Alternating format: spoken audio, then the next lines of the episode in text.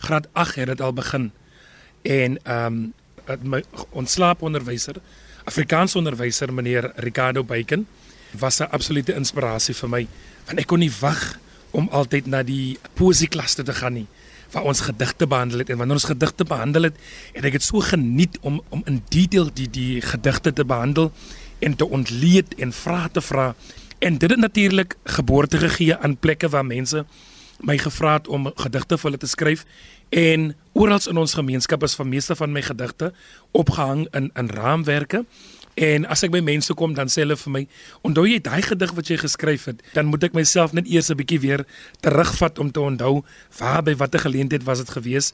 So dit is dit dit, bring my heeltemal 'n uh, plesier en dit bring my innerlike verblywenis om te kan weet dat ek bring 'n verskil in mense se lewens in ons gemeenskap. Eugene Diamonds, uh, voltyds in diens van die departement arbeid, maar ook 'n volksdigter, 'n gemeenskapsdigter hier in Kariga. Maar toe het ek nou by die joernalis wat die storie gedoen het, toe sê sy maar daar's 'n boekie gesproke woord en sy het my gewys.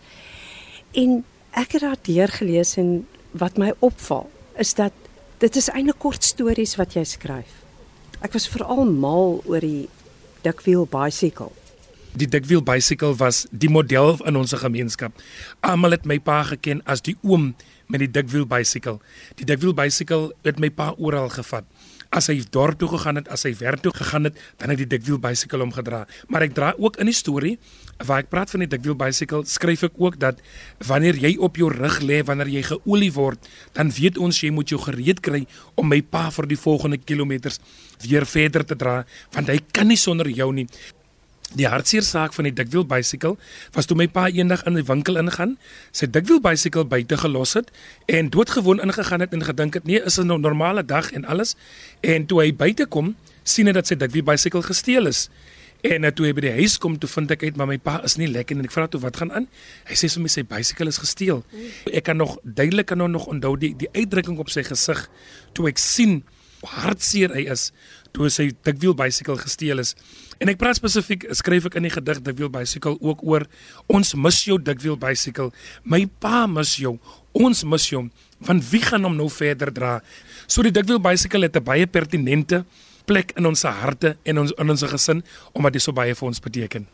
Maar wat my opval in jou 'n bundel gesproke woord is ehm um, dis asof jy meer 'n storie in 'n digvorm skryf. Kan jy net bietjie meer oor jou styl praat? Die boek is basies 'n kulminasie van gewone gedigte met paar rym en vers rym en kruisrym en alliterasie en personifikasie en alles wat daarmee gepaard gaan in die Afrikaanse gedigte wêreld. Maar dit is ook 'n vermenging van prosa. Prosa as basis storie vertel. En dan die laaste gedeelte van my gedigte handel oor waar ek net soos hulle sê jy het mos gedigters het mos poetic license waar ek net reëls ignoreer en soos ek sal stel ek skryf uit my hart uit En wanneer ek begin skryf uit my hart uit, vind ek uit dis die lekkerste manier om te skryf. Die gedagtes vloei, die idees vloei, die woorde vloei. Daar's 'n beperking rondom dat die woorde moet rym en ek word gebind of ek word beperk deur paar rym of kruisrym of wat ook al nie. Die vrye rym soos hulle dit noem en mense geniet dit wanneer hulle my stories lees want dan kom dit uit my hart uit. Kersklere toe ek dit gelees het, het dag ek Ja, jy deel ook sommer 'n deel van 'n kultuur waarvan ek onbewus is.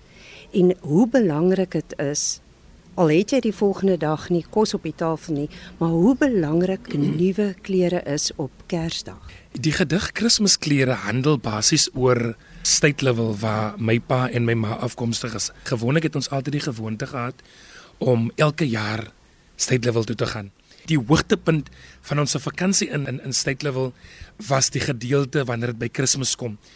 Maar wat ek net kortliks wil aanhaal is is op die dag van Kersfees wanneer ons ons Kersklere aantrek. My neefs en my niggies ons almal was in in een huis saamgebly en elkeen het verskillende klere gedra. En dan begin ons klere aanpas.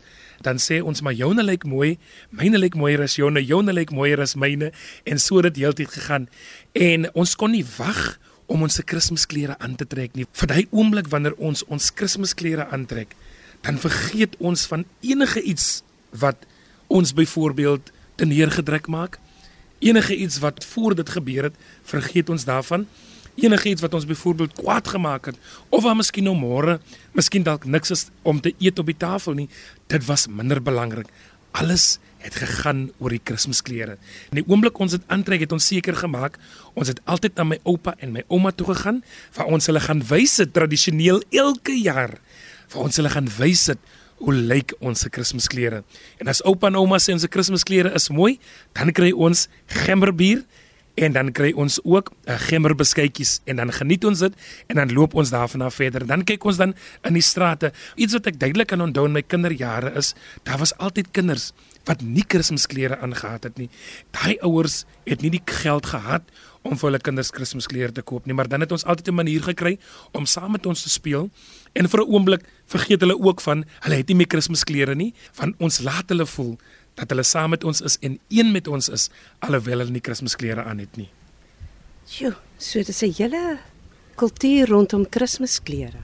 Absoluut, dit is 'n kultuur wat ek nooit sal vergeet nie en is iets wat my maak wie ek is want dit my gehelp om die bietjie wat daar is te waardeer en tevrede te wees met wat ek het op of gehad het op daai stadium en die manier hoe ek opgegroei het. So die manier hoe ek opgegroei het is iets wat ek vir niks sal verruil nie omdat dit my dankbaarheid geleer, dit het my geleer om mense te respekteer en ook my ouers te waardeer want hulle het altyd uit hulle pad uit gegaan om vir ons te gee die beste wat hulle kon. En as hulle nie kon nie, dan was dit fyn geweest. En met jou oë wat nou oopgemaak is as 'n digter en iemand wat stories op 'n baie interessante manier oorvertel. Steytler wil die gedig self en alles dan is dit so asof 'n mens self op die trein ry. nou soos ek voorheen ook genoem het, Steytler wil was my my pa se ouers groot geword het. Wat ons altyd vooruit gesien het was om met die trein te ry en dan klim ons die trein in Uitenaag op die Uitenaagstasie wat in Papslaan was. Excitement om die trein te sien tot ewen voor die trein kom was altyd opgewonde want dan kyk ons altyd wanneer die trein kom en wanneer ons hy geluid hoor dit amper asof ek nou myself nou inleef hoe opgewonde ek gevoel het want wanneer ons in die trein klim dan is dit mense wie ons lanklaas gesien het ons groet hier ons groet daar en is en mense sê sommer vir jou happy alles nog eens Kersfees is nie en ons eindpunt van ons stasie was bar Baroo gewees en op Baroo het my oupa altyd vir ons gewag. Daar is soveel geskiedenis in Level. Die kultuur in Level is heeltemal anders. Level sal altyd in my hart bly. Maar nou kom ons by ook ene wat jy gesê die Gelly en ek het nou al gehoor wat is die vertaling daarvan? Dis Konka.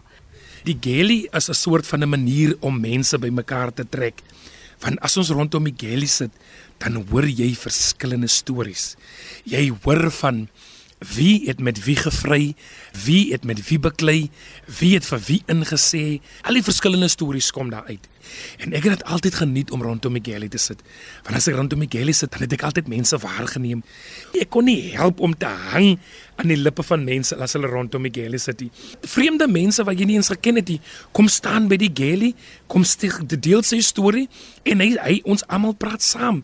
Ons lag saam, ons sommige kere het ons soms saam gehuil rondom Miguel.